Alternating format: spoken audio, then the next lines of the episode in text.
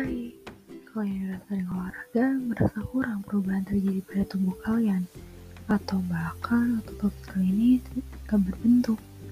Nah, mungkin salah satu faktor ini asupan makan yang kurang tepat. Yuk dengerin podcast kali ini biar kamu paham gimana caranya untuk meningkatkan masa otot kalian. Oh iya, sebelum masuk ke podcastnya, kenalan dulu sama aku. Aku Elza Marcel Kira Ardela dengan mahir 002 dari Fakultas Kesehatan Masyarakat Universitas Diponegoro.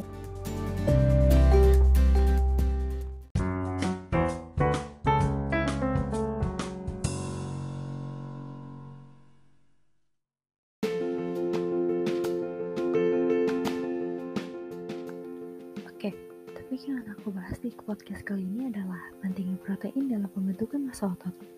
Teman-teman harus tahu nih, prinsip dasar pembentukan otot itu salah satunya asupan protein yang cukup. Apa sih protein itu? Protein adalah senyawa organik kompleks yang mengandung karbon, hidrogen, oksigen, dan terkadang juga ada sulfur serta fosfor tergantung sumbernya. Teman-teman juga harus tahu nih, Sebanyak 90% kandungan protein dalam makanan akan diserap oleh tubuh untuk membangun dan memperbaiki otot yang rusak. Sebelum tubuh menyerap protein, enzim pencernaan yang ada di lambung dan usus akan memecah menjadi asam amino. Setelah protein berhasil dipecah, asam amino akan segera dialirkan ke dalam darah dan usus halus untuk diserap.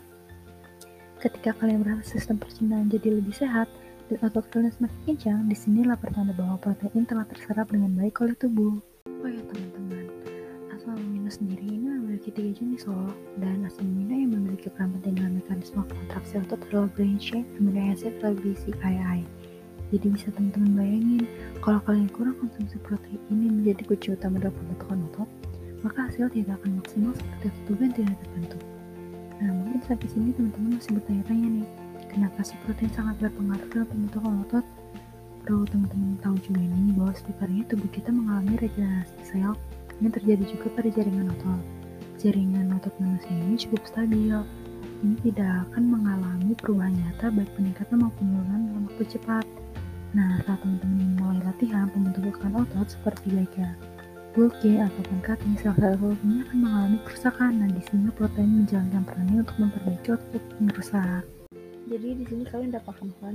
betapa pentingnya protein dalam membentuk otot, tapi mungkin kalian belum tahu berapa banyaknya protein yang kita perlukan untuk membentuk otot. Jadi, menurut WHO, AKG protein atau angka kecukupan gizi protein sebesar 0,8 gram protein per kilogram berat badan. Nah, jumlah itu untuk menjaga tubuh kita tetap sehat. Sebagai contoh, Lily dengan berat badan 45 kg berarti membutuhkan protein sebesar 36 gram per harinya untuk menjaga tubuh tetap sehat.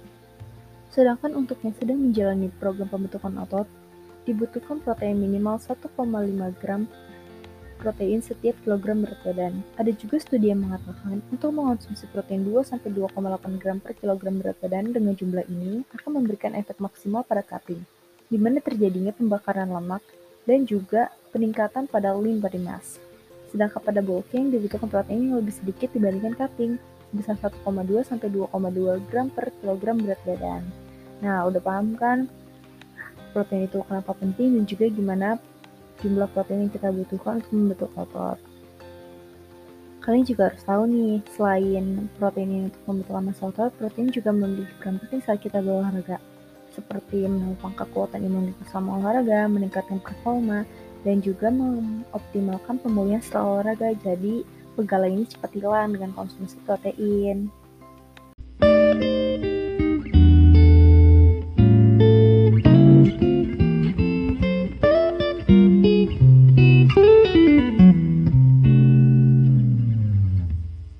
Oke, jadi udah tahu kan apa yang membuat otot kalian ini berbentuk? Kalian harus ingat ya bahwa protein ini adalah kunci utama dalam pembentukan otot.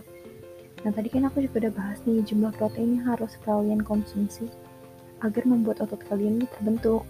Nah jangan dilupain ya walaupun kalian udah tahu apa itu pengertian dari protein dan apa fungsi protein ini, kalian harus juga perhatikan konsumsi protein kalian harus sesuai ya. Sekiranya cukup podcast kali ini. Mohon maaf atas informasi yang kurang tepat dan mohon atas kritik dan sarannya supaya episode selanjutnya dari podcast ini lebih baik. Oh iya, jangan lupa ya, tetap jaga kesehatan dan patuhi protokol kesehatan yang ada. dan serta ikuti vaksinasi yang sudah tersedia supaya Indonesia cepat pulih dari wabah ini. Terima kasih semuanya.